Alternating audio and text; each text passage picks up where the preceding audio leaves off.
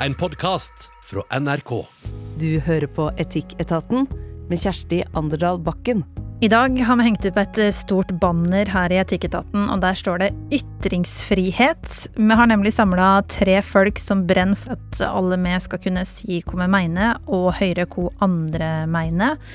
Men ytringsfrihet, det er sjelda svart-hvitt. Her fins det masse dilemmaer som vi skal ta tak i den neste timen. For kanskje bør en i noen tilfeller ikke ytre seg fritt. Hva om det en mener kan såre andre eller påvirke andre negativt? Vi skal eh, bl.a. ta for oss et tema som jeg vet at du eh, brenner for, eh, Abid Raja, nemlig hva politiet må tåle å bli kalla. Nå er det nemlig sånn at en kan bli straffa hvis en kaller politiet idiot og tulling. Abid, hva er det drøyeste du har kalla noen noen gang? Det er, det, det er, drøyere enn tulling, det kan jeg si deg. Det er definitivt det.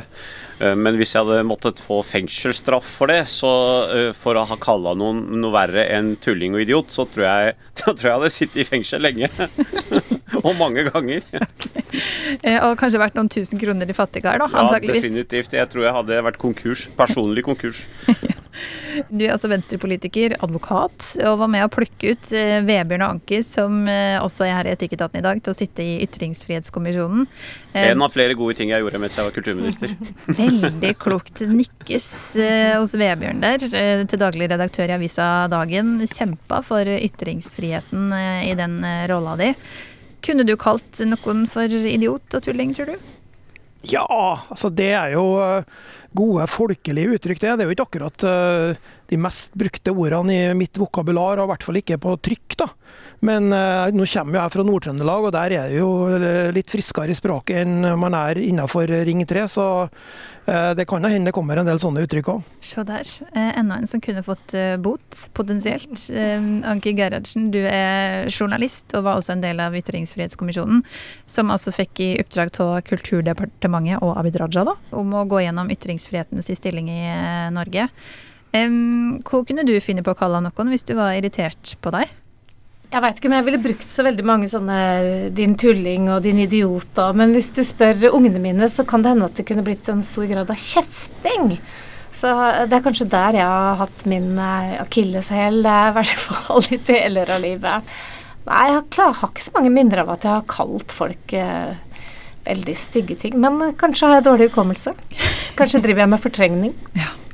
Altså Jeg vil bare si en ting, for nå, nå, nå, som disse meddebattantene mine var så reflekterte over hva de har gjort i voksentid Når jeg uttrykte meg nå på start av programmet, så tenkte jeg også på ungdomsårene og, og alt Aha. det vi pleide å si. Det var ikke sånn Jeg går ikke rundt og sier verre ting enn tulling og idiot nå som voksen, men som, som ungdom på basketbane og squashbane og Jeg mener altså Eller for så vidt på en fotballkamp, så tror jeg man har lirt av seg en, en, del ting. Uh, og det, så, ja, det, var, det, tilhørte en annen tid, men det var det jeg sa. Hvis jeg hadde blitt fengslet for det, eller måtte betale for det, så hadde jeg nok eh, vært personlig konkurs allerede som ung fyr. Ja, men, men det er jo Jeg eh, er jo helt enig med Abid her. Og for meg, men jeg, jeg fortsetter jo litt i voksen alder, men, der, men det, det, gjelder på én bestemt arena og det er på fotballbanen. Da sitter kraftuttrykkene løst. Jeg bruker å si det sånn at alle mennesker har et behov for en arena der man kan få utløp for de vulgære sidene i menneskenaturen.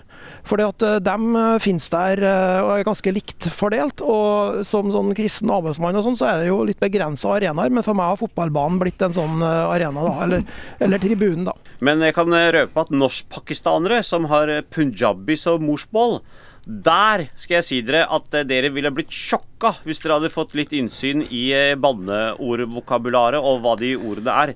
Altså sånn motherfucker og, sånn, det, bare, det bare blekner i forhold. Det er, det er, de styggeste av de styggeste tingene. Gi oss et eksempel, da. Nei, altså det, jeg kan ikke si de stygge ordene på radio, men det går i retning av mor, søster og, og, eh, og, og seksuelle ting. Det er ofte det. Nei, men Da har vi lært det. Eh, det er godt at vi ikke forstår eh, punjabi alltid. Eh, vi skal ta opp et dilemma til her i Etikketaten i dag som jeg vet at du, Anki, brenner veldig for, nemlig ytringsfrihet i arbeidslivet. Vi har nemlig fått en e-post fra en lærer som mener han ikke kan si hva han mener, fordi det kan komme reaksjoner fra ledelsen. Men eh, først så skal vi inn i et tema det har vært ganske mye blest rundt, da det i Ytringsfrihetskommisjonen tidligere i høst la fram en nokså tjukk blekke med 90 anbefalinger til hva som kan eh, bedre ytringsfriheten her til lands. Nemlig forslaget om at det bør være lov å slenge skjellsord etter politiet. Fire ytringsfrihetsdilemma skal altså på bordet her i Etikketaten i dag. Og første spørsmålet som jeg stiller panelet er bør det egentlig være straffbart å kalle en politimann drittsekk? I dag så kan du altså få bot hvis du kaller en offentlig tjenestemann som politi for stygge ting. Folk har blitt dømt for å kalle politiet jævla idiot og kålorm. Og så var det da en advokat som kalla en politimann for eh, tulling, og hun fikk da 10 000 kroner i bot, fordi sånt kan en ikke kalle en offentlig tjenesteperson. Vi eh, spør da skal loven beskytte politiet mot å få skjellsord, eller bør politiet tåle like masse som oss andre? Hvorfor er det sånn, Anki, at Ytringsfrihetskommisjonen mener at det bør være lov å komme med skjellsord mot politiet? Ja, vi sier jo ofte nå politiet, men det er jo offentlige tjenestemenn, ikke sant. Sånn at uh, dette um, uh, retter seg jo også mot uh, ja, folk som jobber i barnevernet og i helt andre felt da, enn den store, sterke uniformskledde politimannen. Gjerne mannen, som vi ser for oss. Nei, altså, vi hadde jo en veldig lang diskusjon på dette her i kommisjonen. Eh, og eh, jeg kan jo være så ærlig at jeg kan si at jeg var blant dem som var veldig i tvil om jeg skulle gå med på dette forslaget som kommisjonen da har lagt fram. Og mye av grunnen til at jeg var så sterkt i tvil, var jo nettopp fordi at eh, jeg så for meg en eh, Jeg så for meg en eh, kvinne eh, på et barnevernskontor eller i ute hvor du eh, i utgangspunktet føler deg sårbar og utsatt, og vi vet jo at de også er det. Så da var jeg liksom veldig bekymra for om det å senke terskelen kunne oppfattes som et signal eh, til at vi godtar trakassering av en som jobber i barnevernet, da. Jeg var kanskje mindre bekymra for polititjenestemannen. Mm. Men jeg tror kanskje jeg havna på et ja fordi at jeg syns det også må være rom for å få komme med helt menneskelige reaksjoner. Hvis du eh, blir utsatt for myndighetsutøvelse, da. Eh, politiet skal ja, eh, vet ikke hva det er, kanskje arrestere deg eller pågripe deg på en eller annen slags måte, så må det være lov å slippe ut noen følelser. Mm. Eh, men eh, så er det jo klart at der, der er det en, en eh, øvre grense. Eh, du kan kanskje si drittsekk, men kan man si hore? Altså hvor, hvor, liksom, hvor skal grensen gå? Hva legger vi i begrepene skjellsord, da? Mm. Hva var dine tanker rundt det her å fjerne ordet skjellsord fra loven, eh, Vebjørn? Det var jo en veldig interessant og, og, veldig lang debatt. Det hører jo med til historien her. Uh, at Eh, det, det, jeg vet ikke om jeg går utover mine fullmakter her nå, men altså dette var jo Hvis denne loven blir vedtatt, så bør den jo hete Lex Magdi. Fordi at uh, dette var Karpe-Magdi som, uh, som uh, sto på med det her, og, og som på en måte uh, sørga for å få oss alle på plass etter hvert. Det var jo egentlig ikke noe flertall i starten, og det var i hvert fall avgjørende for meg. da. Han hadde en en veldig prinsipiell og god argumentasjon. Hva var det Magdi sa da? Nei, han, han, han mente at den her øh, terskelen er veldig, veldig lav, da. Når, når, man kan bli dømt for sånne ting som f.eks. kålorm, tulling, sånne ting. At det er på en måte da, da har vi lagt lista altfor lav. At når vi tross alt snakker om Eh, myndighetsutøvere. Man kan se for seg arrestasjoner, man kan se for seg barn som blir tatt fra foreldrene. Alle mulige typer stressende situasjoner der det må være uh, lov å komme med, med folkelige uh, uttrykk og folkelige reaksjoner på det å bli utsatt for myndighetenes uh, ja, voldsmonopol da, i, i, når det gjelder politiet. Hvis man skal bli straffa for å gi uttrykk for det som finnes inne, inne i en sjøl, når, når, man er i en sånn situasjon, så, mener, så er jeg enig med, med, med Magdi og da med, med resten av Ytringsfrihetskommisjonen i at, at, da er lista lagt for lav. Mm. Vi har eh, prata med en politimann med, som fortalte oss at han i løpet av sin 20 år lange karriere kan telle på ei hønd hvor ofte han har anmeldt noen for å ha kommet med eh, skjellsord. Og det er ikke fordi han ikke har blitt kalla masse dritt, men fordi han tenker at alle kan bli hissige i eh, vanskelige situasjoner. Og en trenger jo ikke kriminalisere folk eh, heller, unødvendig, sier han. Um, men det at loven blir endra for han, vil ikke ha noe å si i praksis. Men han som hvit voksen mann sier at han er ikke utsatt på samme måte som andre. Eh, rasisme mot polititjenestefolk som er mørke i huden, f.eks. Mm. Det er et problem, og det eh, vil han at skal beskyttes. Vil du omfattes av den loven her, Abid? Kan folk kalle det styggere ting hvis det fjernes? Nei, altså jeg tror stortingsrepresentanter og regjeringsmedlemmer har eh, et annet type vern. Eh, men det går i retning av, eh, av, av trusler og, og altså hindre statsmakt og, og, deres yrkesutøvelse. Jeg ble jo litt kjent med den paragrafen når eh, Mohildin Mohammed la ut en sånn syv-åtte eh, minutters eh, YouTube-video om meg, hvor han inkluderte ordet fatwa og litt sånn forskjellig. Han ble jo dømt til to og et halvt års fengsel, ubetinget, i Høyesterett. Men det går inn i kategorien trusler, ikke, ikke, ikke skjellsord. Um, så tror jeg at i, i, Tilbake til det med politiet da, og deres reaksjon på dette. Jeg tror nok de aller fleste i Norge ser jo at vi går jo ikke rundt i gatene i Norge og kaller hverandre for tullinger og idioter. Så Norge er jo ikke den type samfunn. Det er jo ikke vanlige ting å si på gata til hverandre. Eh, og det er jo ingen som i sine fulle fem går forbi politiet og roper Altså med mindre du har eh, eh ja, altså, Det er jo ingen som går forbi politiet på daglig basis og roper tulling til dem. Det, det, det, det, skjer jo i en opphetet, eh, normalt i en opphetet situasjon. Uh, og, og, der må det være litt slingringsmonn på, på, på, hva uh, som ikke bør deretter lede til, uh, til saftige bøter. Altså sånn tulling og kålorm og idiot og, og hestkuk for den saks skyld. Altså, den type ting, det, det kommer i en, annen, en kategori. Og så, kommer, så må vi ha en grundigere drøftelse av der hvor man går eh, altså, altså skjellsord i retning av eh, det kjønnlige og det, det etniske opphavsmessige, eller Eh, I den grad man vet at en polititjenestemann er, eh, er skeiv, å gå i retning av de homo... Så da, et sted bør grensa gå, og kanskje på uh, kjønnsorgan på kvinner og etnisk opphav på minoritetsmenn. og og kanskje når det kommer til uh, skeivhet, eller hvis du har en funksjonsnedsatt uh, barnevernsansatt da, som blir da Eh, blir sjikanert på bakgrunn av sin funksjonsnedsettelse, f.eks. i sin yrkesutøvelse. Så, så det, det, kan være, en del, kan være en, en del krevende diskusjoner som også vi politikere må ta, for å se hvor langt man skal flytte grensene. For det vil vel ikke ha et samfunn med mer drittkasting heller, Anki? Nei, vi vil jo ikke det. Men så bare um, sånn at det er klart for folk altså Politikere er på ingen måte omfattet av denne her eh, loven her sånn. Den, handler, den retter seg mot offentlige tjenestemenn.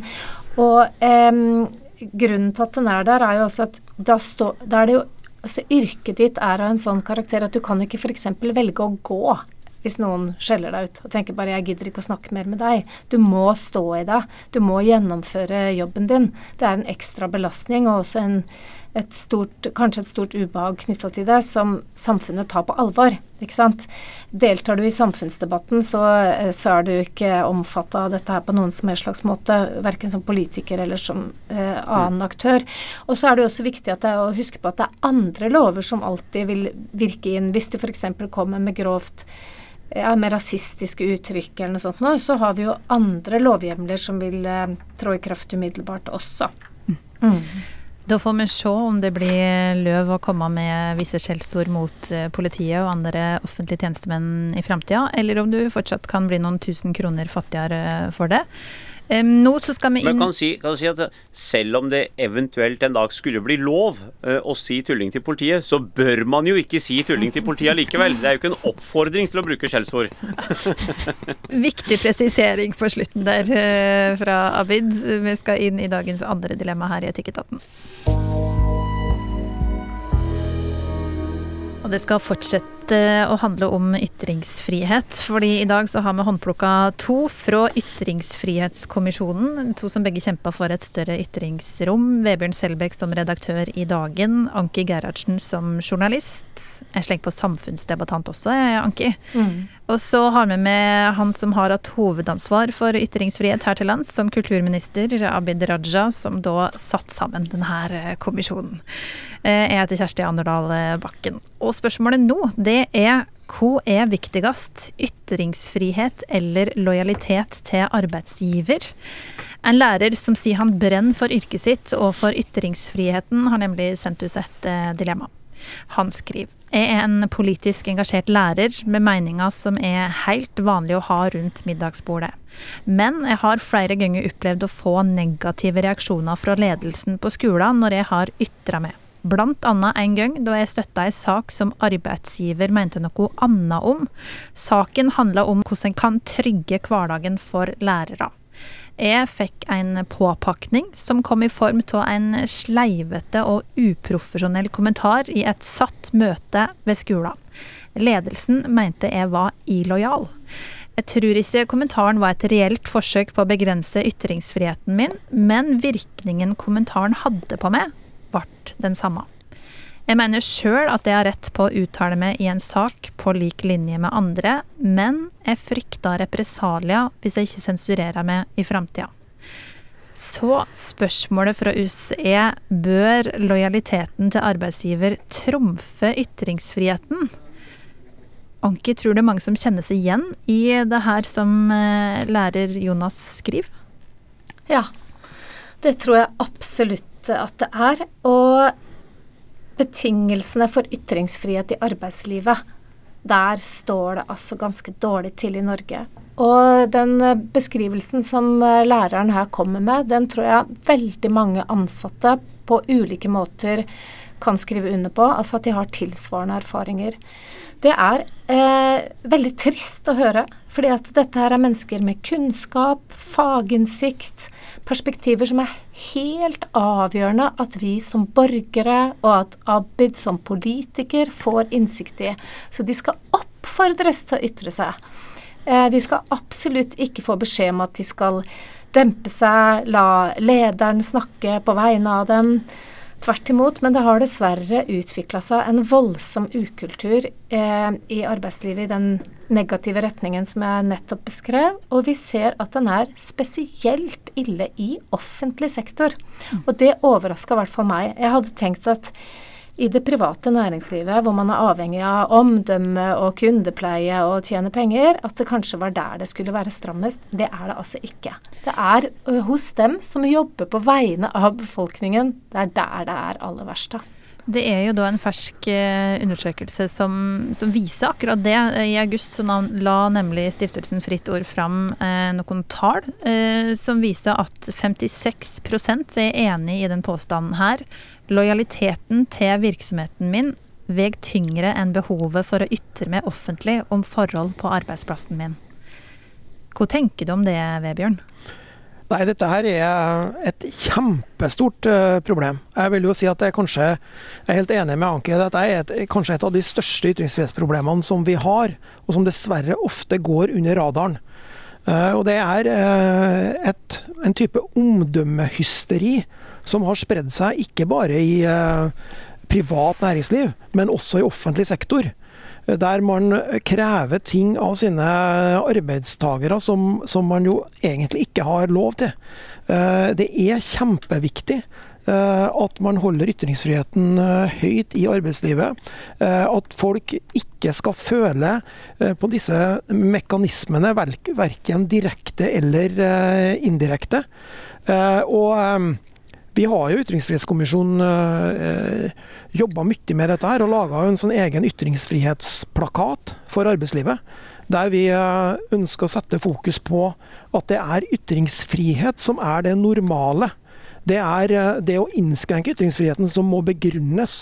Og sånn som det er nå, så har jeg oppfatninga mi at det er stort sett motsatt i uh, arbeidslivet. At uh, det er en veldig press på å holde munn og opptre mm, lojalt. Altså det Lojalitetsbegrepet er jo fullstendig misforstått. Det er jo lojalt å si fra om eh, ting som ikke fungerer. Det er lojalt å dele av sin kunnskap, selv om den skulle gå på tvers av det som arbeidsgiver eh, eventuelt måtte ha av meninger også. Tallene viser at uh, det har vært en veldig kraftig utvikling på det her. I 2016 så var det 33% som kvidde seg for å ytre seg mot arbeidsplassen og kritikkverdige forhold der. Nå er det altså ca. halvparten. Hva tenker du om den utviklinga der, Abid? samfunnet bør jo ikke være slik. Lærere f.eks. Vi ønsker jo at lærerne skal delta i samfunnsdebatten. Jeg mener at lærerne også bør engasjere seg politisk i lokalpolitikken. Og da, det, Hvis vi da tenker at ja, men de skal ikke ha den type meninger, eh, de skal ikke delta i den diskusjonen, så, så, så bringer de jo en hel stor yrkesgruppe egentlig ut av eh, det offentlige ordskiftet. Som, som, eh, som er jeg vil si det er, det, være, det er jo egentlig litt ødeleggende for den offentlige debatten. Lærere er superviktige både i lokalsamfunnet våre, og så har de også ikke minst god oversikt over altså hva slags utfordringer som barn og unge møter til, til enhver tid. Men så tror jeg liksom, den grensa må jo, må jo, gå et sted. Altså, lærere har jo også forpliktet seg eh, til, eh, til, å forme barn og unge til å bli dannede mennesker. Eh, til å forplikte seg til læreplaner og kompetansemål. Og ikke minst formidle en del verdier i klasserommet. Så hvis du får en lærer som på fritida er sterkt hva skal man si, altså fremmer da negative holdninger mot den skeive befolkninga på sosiale medier og Facebook og så vil jo Eller f.eks. har kvinnefiendtlige, likestillingsfiendtlige eller, eller innvandrerfiendtlige holdninger, eh, så, så, så, møter de jo et liten utfordring, for det går jo på tvers av de verdiene som man ønsker skal bli formidlet i klasserommet. Der tror jeg du kommer til å møte en problemstilling som er mye vanskelig å trekke en gråsone for. For en samfunnslærer f.eks., som skal formidle noe helt annet til elevene, har helt andre holdninger eh, eksternt. Da tror jeg du kommer opp i en gråsone som jeg er litt usikker på hvordan vi skal finne løsning på. Er det negative sider, Anki, ved at lærere skal få ytre seg helt fritt? Altså, I alle yrker så er det jo snakk om en viss grad av egnethet. ikke sant? Man må være egnet til den eh, jobben man skal gjøre når man skal ta vare på eller oppdra og danne den oppvoksende befolkningen. Men vi har samtidig både politisk frihet og vi har religionsfrihet eh, i dette landet her, og det må også gjelde lærere. Men så tror jeg også vi har kommet til en sånn uh, underlig forestilling om at uh, hvis en lærer uttrykker sine politiske meninger eller sine holdninger, så er det liksom per se negativt for barn og unge som utsettes for det. Og det er jeg dypt uenig i. Og jeg bare husker tilbake på min egen gymnastid. Jeg gikk på Valler videregående skole i Bærum på mm. slutten av 80-tallet. Midten av 80-tallet. Og jeg hadde to lærere som underviste i liksom samfunnsfagrelaterte emner. Asle Sveen og Svein Arild Aastad heter de to, og de var og helt åpne om sine egne politiske preferanser, sine holdninger, sine synspunkter. Og det genererte et voldsomt engasjement. Masse debatt, masse diskusjoner i klasserommet. Det var rom for alle, liksom, enten man stemte Frp eller var anarkist eller, eller hvor man enn måtte være da. Sånn at hele, altså deres åpenhet og deres personlige engasjement Eh, altså det har vært helt formgivende for meg som samfunnsengasjert menneske, rett og slett. Mm. Det var med på å vekke meg og få meg til å reflektere og tenke over ting som jeg kanskje ellers ikke hadde gjort på samme måte. Så jeg er, jeg er bare evig takknemlig for at jeg fikk, være, fikk de tre årene med så eh, gode, engasjerte lærere rundt meg. da. Mens nå er vi liksom kommet til en sånn et helt annet sted. Nå skal man ikke liksom Man skal framstå så nøytral som overhodet mulig, og man skal passe på at man ikke eh, ja, eh, tråkker noen på tærne. ikke sant? Det er en del av en hel pakke her, hvor også dette krenkelseshysteriet er en del av det, tror jeg, da. Bør eh, alle lærere Vebjørn, eh, være åpne om hvor de står politisk? Det er jo et, et helt fritt valg, men det skal i hvert fall ikke være sånn at det er noe skape noe problem å være åpen om det. Lærerne har den samme friheten som alle oss andre til å fortelle hva de stemmer på, eller la være å fortelle det. Og så er jeg litt kritisk til dette her med, med Eh, når man snakker om eh, å legge liksom, eh, skape grenser for det politiske engasjementet til lærere. Altså når jeg gikk på skolen, så på 80-tallet 80-tallet da, så hadde vi jo masse lærere som tilhørte AKP-ML. Altså som gikk inn for væpna revolusjon i Norge. Det vil altså si å, ja, å ta over makta eh, gjennom et kupp og vold. Altså åpent snakk om vold. Det var greit. Man, man fikk fortsette å være lærere for det. Men, men, eh, men, det virker som at dette her i, i dag først og fremst er et sånt ytre høyre-problem. Altså at hvis man har uh, holdninger uh, som er på ytterkanten på høyresida, da er det plutselig problem. Vi har jo Max Hermansen-saken, som ikke ligger så mange år tilbake i tid, som, som mista jobben ved en Oslo-skole pga. den typen engasjement og den typen meninger. Det, som da var leder i Pegida? Ja, som da var leder i Pegida Norge, det er helt riktig. Og den typen ting er jeg veldig kritisk til. Fordi at det rammer bare én Eh, politisk gruppe, mens de som har eh, ganske ekstreme synspunkter på, på ytre venstre, eh, dem har det vært mange av i skoleverket, og de har ikke mista jobben.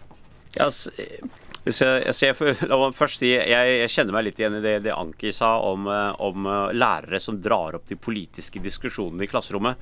I den boka jeg skrev nå nylig, altså min skyld, der henviser jeg jo til Eva Manseth, som var vår samfunnsfaglærer. Og jeg mener, mm. du, du, måtte ha vært der for å se. Altså, vi hadde jo Holmgang og Tabloid og alle disse debattprogrammene i klasserommet. Altså, var, altså Ikke at vi satt og så på dem, men altså, alle de der hardeste diskusjonene som var der ute, det skjedde i klasserommet. Uh, og, og, og, hun kunne bare sitte der og bare nyte hva hun hadde satt i gang. Altså var, og, og, vi kunne jo uh, Vi rev jo ikke av hverandre håret, men verbalt så gjorde vi jo faktisk det. Uh, og det var jo med på å forme oss. Men det tror jeg en, det, er, det er jo gode, flinke lærere. og, det, det jo, og det er jo kjempebra. Men så tror jeg at vi må trekke en grense på når vi sender våre barn til skolen. Eh, for å sette det på spissen. Eh, jeg ønsker ikke at den læreren som eh, treffer mine barn, og heldigvis har jeg ikke opplevd det til nå, at, at de enten snakker om eh, om de snakker om væpnet voldelig revolusjon i Norge, så hadde jeg reagert. Hadde de ungene mine kommet hjem og sagt at læreren har kommet med utrolig homofobe og jødehatende eller islamistisk retorikk, så hadde jeg også reagert eh, kraftig. Så jeg, jeg, tror eh, Det kan hende at i Vebjørn sin barndom så var det eh, gangbart eh, å, å, komme med at nå skal vi gå til væpnet revolusjon i Norge. Men i dag, hvis noen lærere hadde begynt med at nå skal vi lære ungene til å bli ta til våpen for å styrte Norge, så tror jeg de fleste hadde reagert på det. Ikke, ikke lære ungene, Abid. Det var aldri det det var snakk om. Men det var snakk om å ha den typen personlige holdninger, og ha den typen personlig politisk engasjement i den typen eh, partier. Og da AKP-ML var et eh, revolusjonært parti, på 80-tallet, så var det masse eh, lærere som tilhørte eh, det partiet. Og da mener jeg at på samme måte så må det også være tillatt. Du skal ikke, du skal ikke eh, snakke med barna om dette her og propagandere for ditt syn på skolen. Men det må være som privatperson eh, må det være for en lærer eh, lov til å ha eh, også politisk engasjement som er utenfor mainstream, og langt utenfor mainstream.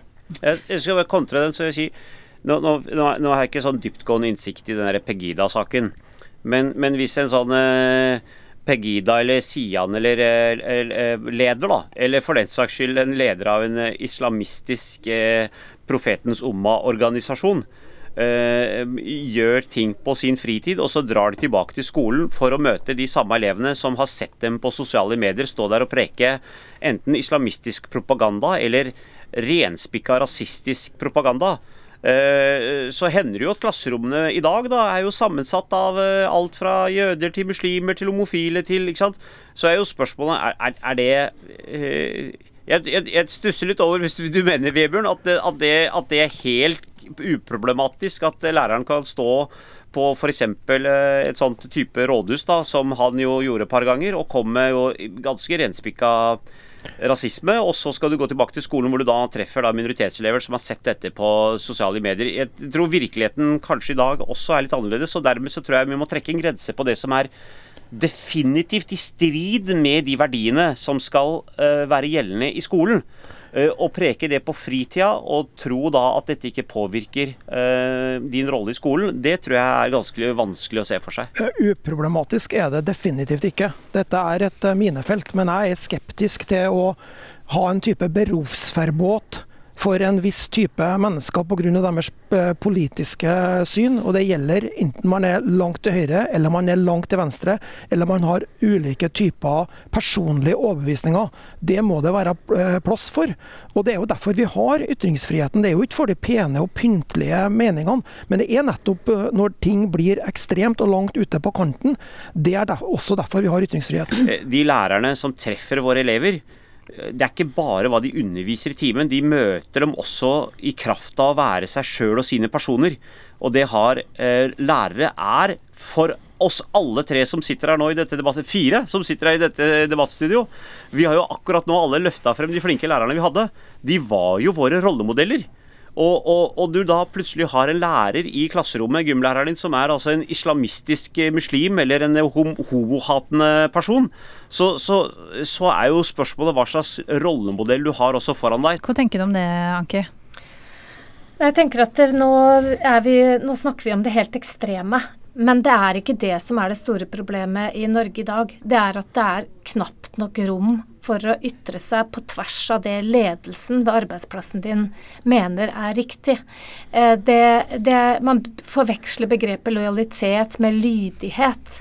Altså, eh, du kan gå ut i det offentlige, du kan skrive i avisen, du kan delta i et program hos NRK og fortelle om ting som kan være nesten direkte skadelig for arbeidsplassen du jobber på men det er ikke illojalt allikevel. Mm. Så sant det er liksom altså, så, så, ikke, så, lenge det ikke bare er synsing og, og tull, men at det er faktabasert. Og, men nå er vi i en situasjon hvor eh, veldig mange ansatte, enten de er lærere eller jobber andre steder, tror at de knapt nok kan, kan eh, åpne munnen uten at det er klarert med øverste hold i bedriften og konsernet. Det er der det store problemet ligger, altså.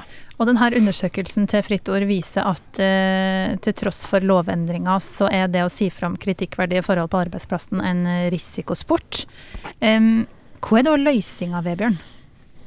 Nei, det, det er, Dette er først og fremst eh, et, arbeid, et arbeidsgiveransvar. Eh, at man rett og slett skjerper seg og at man slutter med det her uh, hysteriet og tror at omdømmet til, til, bedriften eller etaten blir ramma hvis folk får lov til å si det de mener.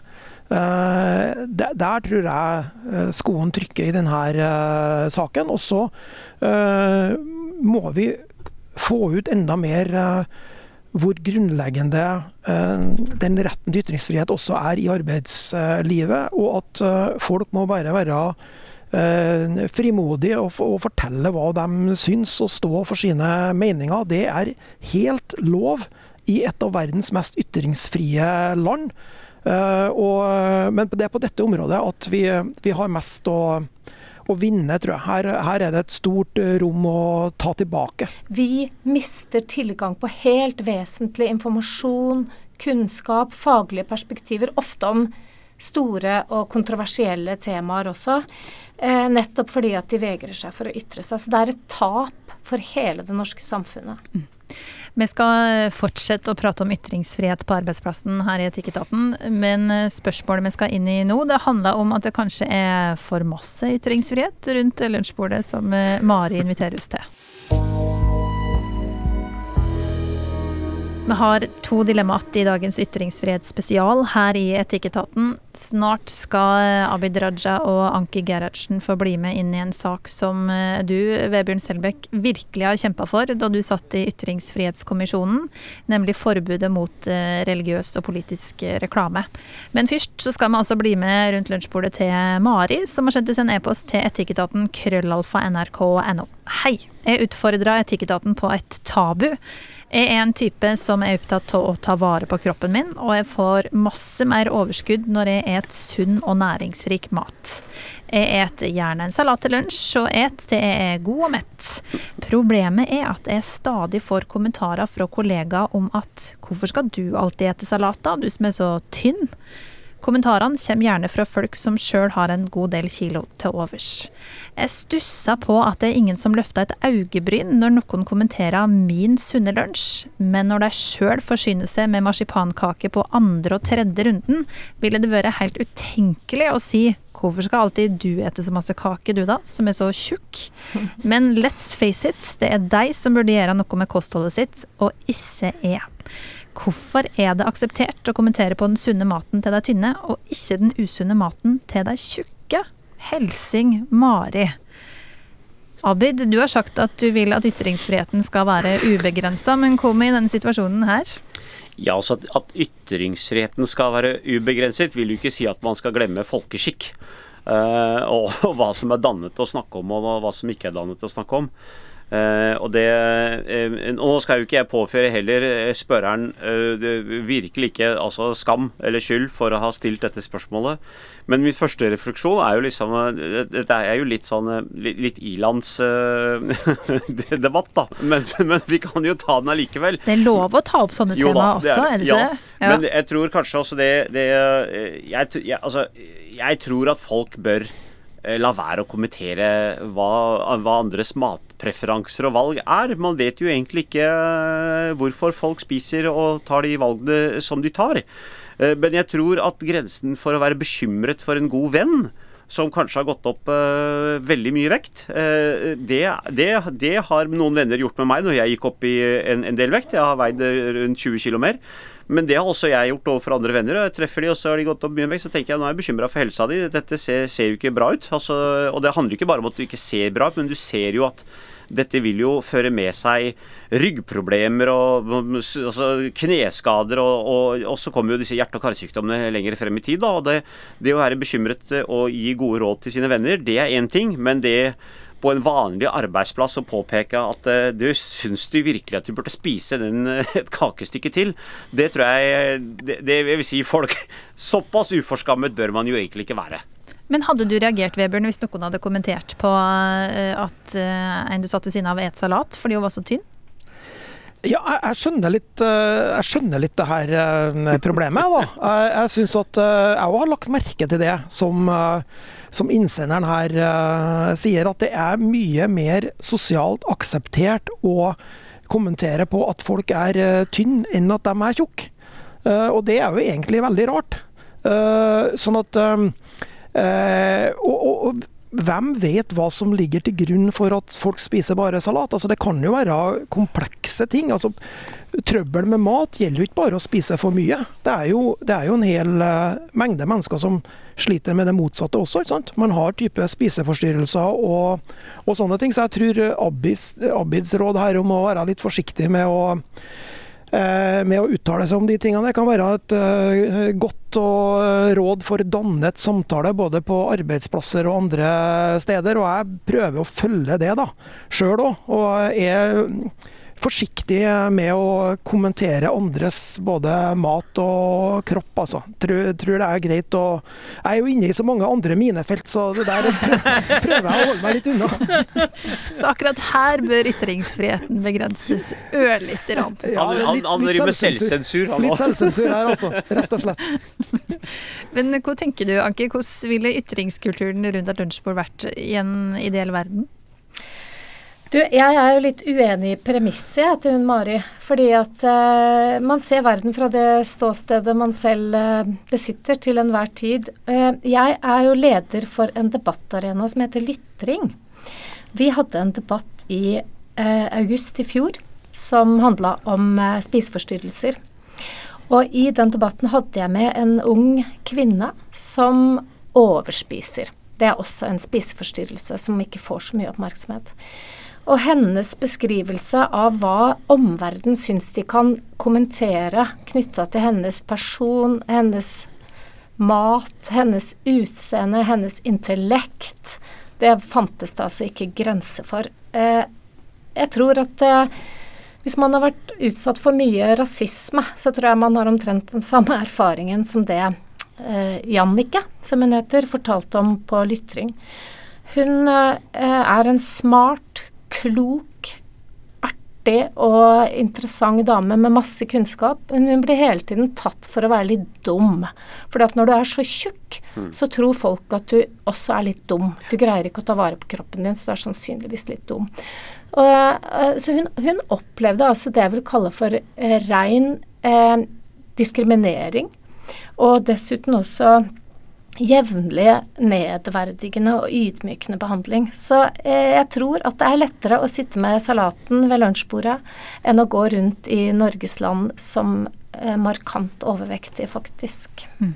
Det er jo en del interessant forskning på dette også, eh, bl.a. f.eks. at eh, de som blir stigmatisert for vekten sin, de blir faktisk ikke tynnere. De, forskningen viser at de faktisk blir eh, til og med tjukkere.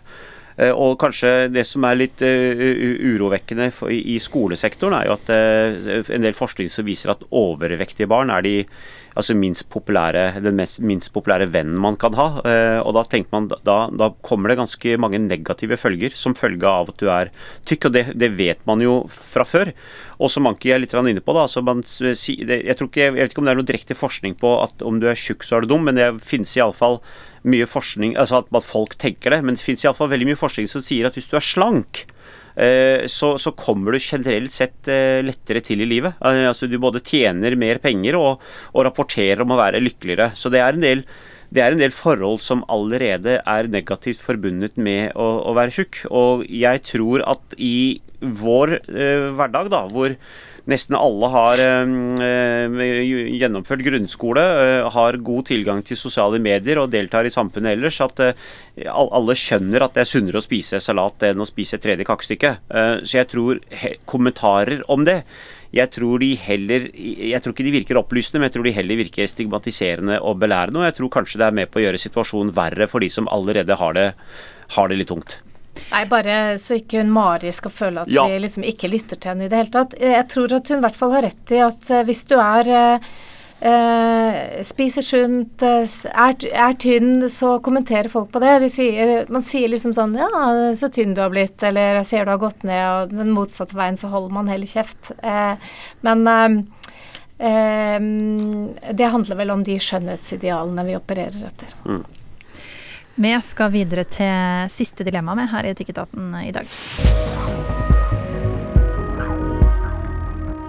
Journalist Anki Gerhardsen, redaktør Vebjørn Selbekk og stortingsrepresentant Abid Raja er altså her i Etikketaten i dag sammen med Kjersti Anderdal Bakken. Og nå så skal vi inn i en internettsuksess. Tidligere i år så kunne nemlig Den norske kyrkje melde at konfirmasjonsvideoen deres på TikTok hadde tatt av. Over åtte millioner har sett videoer sponsa av kyrkja, laga av bl.a. påvirkere som prater varmt om kristelig konfirmasjon. Vi skal ta og høre på et eh, eksempel her. Hallo dere! I dag tenkte jeg å snakke litt om konfirmasjon. For meg så var det ganske naturlig å konfirmere meg kristelig, siden alle i familien min egentlig er konfirmert i kirken. Jeg vet ikke helt selv hvor kristen jeg selv er enda. Men mamma kaller seg i hvert fall kristen, og mormor er veldig kristen. Så jeg følte at det var det rette valget for meg. Konfirmasjonstiden var i alle fall en kjempefin tid for meg, hvor jeg ble kjent med masse nye folk og gjorde mye hyggelige ting sammen. Og selvfølgelig, selve konfirmasjonsdagen er jo et minne på livet. Se så mye jeg koser meg. Det her var utenfor kirken, hvor alle bare matcher i sånn fete, hvite kopper.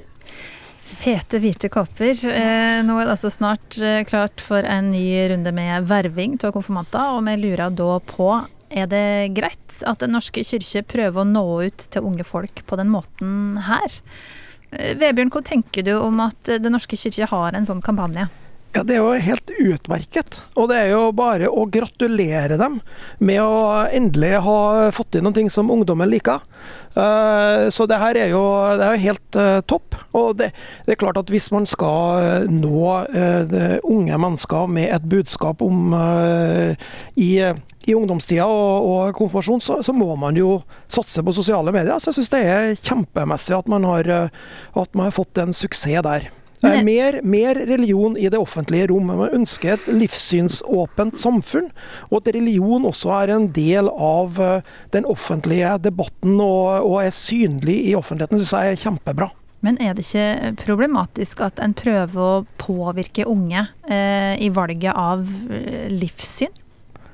Nei, men det, det, er et, det, er jo ikke, en påvirkning av livssyn, først og fremst. Det jo, dette handler jo om, eh, om, konfirmasjon. Men jeg er heller ikke imot at man, eh, at man prøver å påvirke på, eh, på livssyn. Det, det syns jeg også er helt, eh, helt, i orden. Det er også en del av ytringsfriheten. Dette er retten til å drive misjon, og retten til å eh, fremme sitt, sin egen tro og sine egne verdier. Det er helt grunnleggende i et demokrati.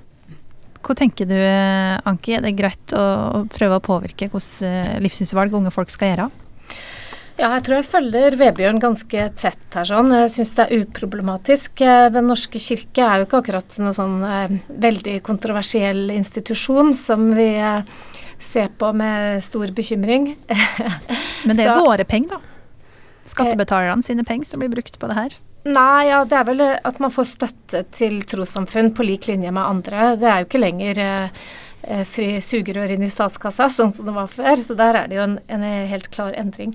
Nei, jeg syns det er uproblematisk at man markedsfører eller forsøker å nå ut eh, med de verdiene og de holdningene man har, enten det gjelder religion eller politikk eller andre områder man er opptatt av i samfunnet for øvrig.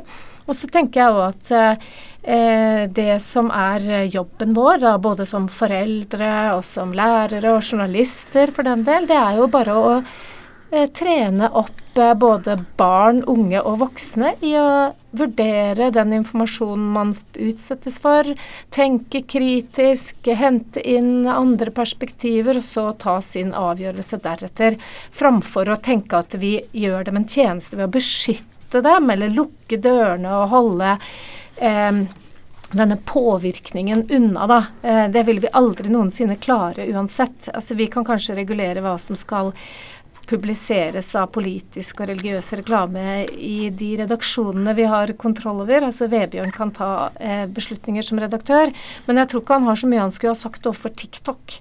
Eh, og eh, skulle han nå mot all formodning greie å få kontroll over TikTok, så oppstår jo da straks noe helt annet, hvor akkurat det samme kommer til å boble opp. da. Så det er en jungel der ute av gode ting og dårlige ting, og det handler om å lære seg å overleve og navigere og bli en det vi i Ytringsfrihetskommisjonen har snakket mye om, en robust borger.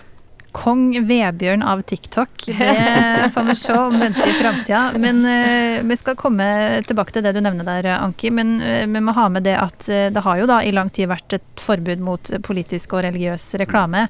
Og Ytringsfrihetskommisjonen foreslår at det her blir uh, oppheva. Og bare for å skjønne litt av det her forbudet, Vebjørn. Har det bare gjeldt for lineær-TV? Er det sånn det Ja, og det er jo det store paradokset her. og eh, det er jo ikke sånn at myndighetene kan komme til norske redaktører og si at vet du hva, dette og det her, eh, politikk og religion og sånt, det får du ikke reklamere for. Men til TV 2s redaktør så kan de, altså myndighetene komme og pålegge denne uh, typen begrensninger. og det, det, må vi nå få en slutt på. Dette her er jo, altså, Og i en tid der eh, lineær-TV på vei mot sin eh, solnedgangsperiode. ikke sant? Der, der nettet eh, og TV eh, eh flyter sammen og er på en måte allerede en enhet, så er jo dette her forbudet eh, fullstendig irrelevant. Jeg er helt enig med at, eh, med at altså, politikk og religion, begge deler, er jo en, det er en utrolig viktig del av folks liv. Eh, og har en utrolig viktig rolle også i samfunnet. Om man, om man liker det eller ikke, så har religion en stor betydning for folk. Og det er litt gammeldags at vi skal forby dem også å ta plass i det offentlige rom, slik dette reklameforbudet gjør. Og Hvis vi ser litt nærmere på det, så finnes det jo altså usedvanlig mange annonser som vi, vi altså, strengt tatt ikke trenger der ute. Altså, jeg vet ikke. altså Eh, altså kollagenpulverreklame eh, eh, Eller altså, for den saks skyld, altså meget sterk forurensende dieselbilreklame på mm. ikke sant, osv. Mm. Som vi vet er egentlig altså, direkte samfunnsødeleggende. Politikk derimot og, og er jo egentlig ikke samfunnsødeleggende. Og religion også, i all hovedsak så fremmer det jo, uh, i, i, den grad man sant, så kan, det fremme eh, det som er viktig for uh, folk. Men så tror jeg i, i den diskusjonen så går det an å ta opp noen vanskelige dilemmaer også. Fordi at uh, baksiden av en god religion eller baksiden av medaljen er jo også dårlig samvittighet, skyldfølelse. Eh, denne overhengende faren for eh, evig ild, og om du ikke, sant, ikke følger religionens krav osv. Eller frelselse. At du, ikke sant? Så det er, en del, det er en del ting ved dette som, som også kan bringe frem skyld og skamfølelse, som man må se på. Man må, se, man må, drøfte dette litt på altså i, i, i, hva slags type reklame man faktisk skal åpne for. Også tror jeg det går en enda klarere grense dette som jeg tok opp nå, tror jeg er litt, sånn litt uklar grense. Men, jeg tror en klarere grense vil være f.eks. om en sjaman skulle begynne å reklamere for sin eh, gullmedalje, at den helbreder deg eh, fra kreft osv. At han eh, starter en egen religion som heter sjamans medaljereligion, eller hva nå det skal hete. Altså, det vil vi skjønne at det kan vi ikke ha tillatt reklame for. Eller f.eks. Eh, Eh, om noen begynner å snakke om at eh, sant, kom til denne og den trossamfunn, så skal vi konvertere deg vekk fra din seksuelle orientering, legning. Eh, det, det, skal jo snart eh, innføres et forbud mot også, men, men jeg tror vi må, vi må, ha noen grenser for eh, Hvis du ikke kommer til eh, kirken nå, så vil du brenne i evig ild, på en måte. Altså, det vil jo ikke være den, Jeg tror jo ikke at noen i Den norske kirke vil være så ukloke at de kommer til å legge frem den type reklame, men jeg tror vi må tenke at når du åpner da for uh, all type politisk og religiøs reklame, så vil det også kunne være eksempler på de religionene som man ikke nødvendigvis tenker bare har uh, gode sider på begge sider av medaljen.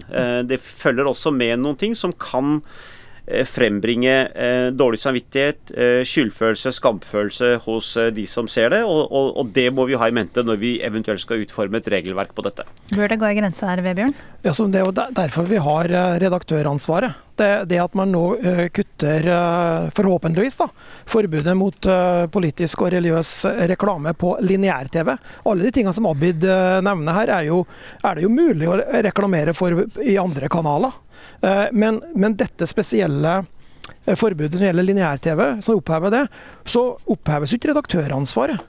Men spørsmålet er er det en redaktør som skal ha den oppgaven for, for sitt medium, eller er det myndighetene som skal ha bestemt dette på forhånd på vegne av mediene. Og Så har vi selvfølgelig markedsføringslovgivning og alle sånne ting som setter en stopper for det aller meste av, eh, mm. av det, som, eh, det, som, nevnes her. Det har vi allerede. Men um, i dag så er det jo sånn at det er fritt fram med reklame for ulike livssyn i sosiale medier. Uh, Anki, burde sånn type reklame reguleres med en ny lov, eller bør det være fritt fram? Um, ja, altså I utgangspunktet så mener jeg at det, for det første at det bør være fritt fram. Og for det andre så blir det, som jeg var inne på i stad, et helt umulig arbeid å skulle lovregulere. Altså Sosiale medier er jo ikke engang nasjonalt begrensa. Så vil, hvem var det som skulle nedsatt denne loven i så fall? Abid trekker fram faren for å påføre mennesker eh, opplevelsen av å ikke strekke til, eller Eh, dårlig selvbilde, skyld og skam. altså Det er det da altså haugevis av andre som holder på med hele tiden. altså Bare se på noen av de mest profilerte influenserne i Norge, som får mengder med oppmerksomhet fra pressen, og som også er med på å gjøre unge menneskers forhold til egen kropp helt fordreid og forvridd. Og vi er vel ingen som har snakket om at vi skal forby dem ennå. Skjønt jeg i hvert fall skulle ønske at de ble utsatt for betydelig mer kritisk journalistikk, da. Og det er egentlig mitt stikkord. Altså det, vi setter ikke ned noe forbud, men eh, pressen må også ha et, føle ansvar, da. Og påta seg det ansvaret. Og undersøke de viktigste aktørene kritisk. Vi har jo nå lenge snakket eh, om sosiale medier og for så vidt hele internett med en sånn dyp bekymringsrynke mellom bryna. Det har fått eh, Jeg tror mange sitter med en oppfatning av at det er liksom forgården til helvete. Eh, men det er det ikke. Eh, og det er heller ikke sånn at eh, vi er så påvirkelige og så eh, dypt nedsunket i ekkokamre og filterbobler som mange har trodd. Eh, tvert imot så utsettes vi for massevis av meninger og perspektiver som er på tvers av de vi kanskje egentlig satte oss for å oppsøke når vi gikk inn i ulike grupper på, på Facebook eller scrolla på noen nettsider. Eh, jeg tror at vi bare levde i dypere filterbobler før, når vi hadde partipresse, og man kjøpte én avis og så på NRK, og det var det, liksom. Nå er det et stort spenn. Eh, vår oppgave blir mer å sortere og håndtere den store mengden med brei informasjon som vi får, eh, får, førte, får eh, bli utsatt for. Og Så tror jeg også dette her, det, At vi i det hele tatt er så bekymra, handler om at hver gang det kommer liksom ny hva heter det, nye medier, eh, så, så, så, oppstår liksom en sånn uro for at samfunnet kommer til å velte. Den kom med trykkekunsten. Det var kanskje første gang. Da var det dyp bekymring for at nå gikk alt ad undas. Og så var det jo en stor debatt i Norge om hvorvidt man skulle tillate fargefjernsyn, ikke sant. Og nå er vi veldig bekymra for hvordan nettet kan skade oss. Og det betyr jo ikke at det ikke har skadelige sider. Men jeg tror vi lærer oss mer og mer å håndtere det og navigere i det. Og vi eh, lærer oss å bli ja, mer robuste borgere, da, som jeg har vært inne på tidligere. Kommer et amen fra Vebjørn her, eller? Ja, altså absolutt. Jeg er helt enig. og jeg jeg er et stor fan av sosiale medier. Jeg er egentlig rett og slett glad for at jeg får lov til å leve i de sosiale mediers tidsalder. Og jeg tror vi, vi undervurderer hvor stor revolusjon det er for ytringsfriheten. Altså den praktiske ytringsfriheten. Nå kan altså hvem som helst få lov til å si meninga si, og få lov til å nå ut til et uh, publikum.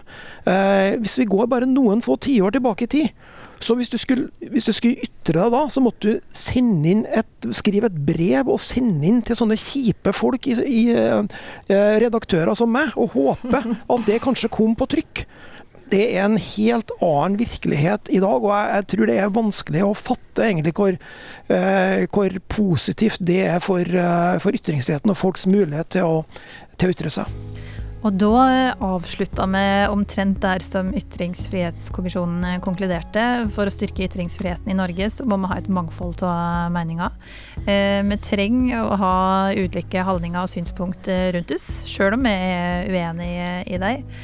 Så er det da opp til Abid Raja fra Venstre da, og resten av gjengen på Stortinget å vedta eller avvise det her forslaget som dere kan kom med. Eh, tusen takk for at du kom hit, eh, Abid. Og takk til Vebjørn Selbekk, redaktør i avisa Dagen. Altså en av medlemmene i denne ytringsfrihetskommisjonen, sammen med journalist Anki Gerhardsen. Takk for at dere kom, dere også. Neste uke er vi tilbake med en ny utgave av Etikketaten. Og fram til da så kan du høre flere episoder som podkast i appen NRK Radio. Jeg heter Kjersti Anderdal Bakken, og med høyrest. Du har hørt en podkast fra NRK. Hør flere podkaster og din favorittkanal i appen NRK Radio.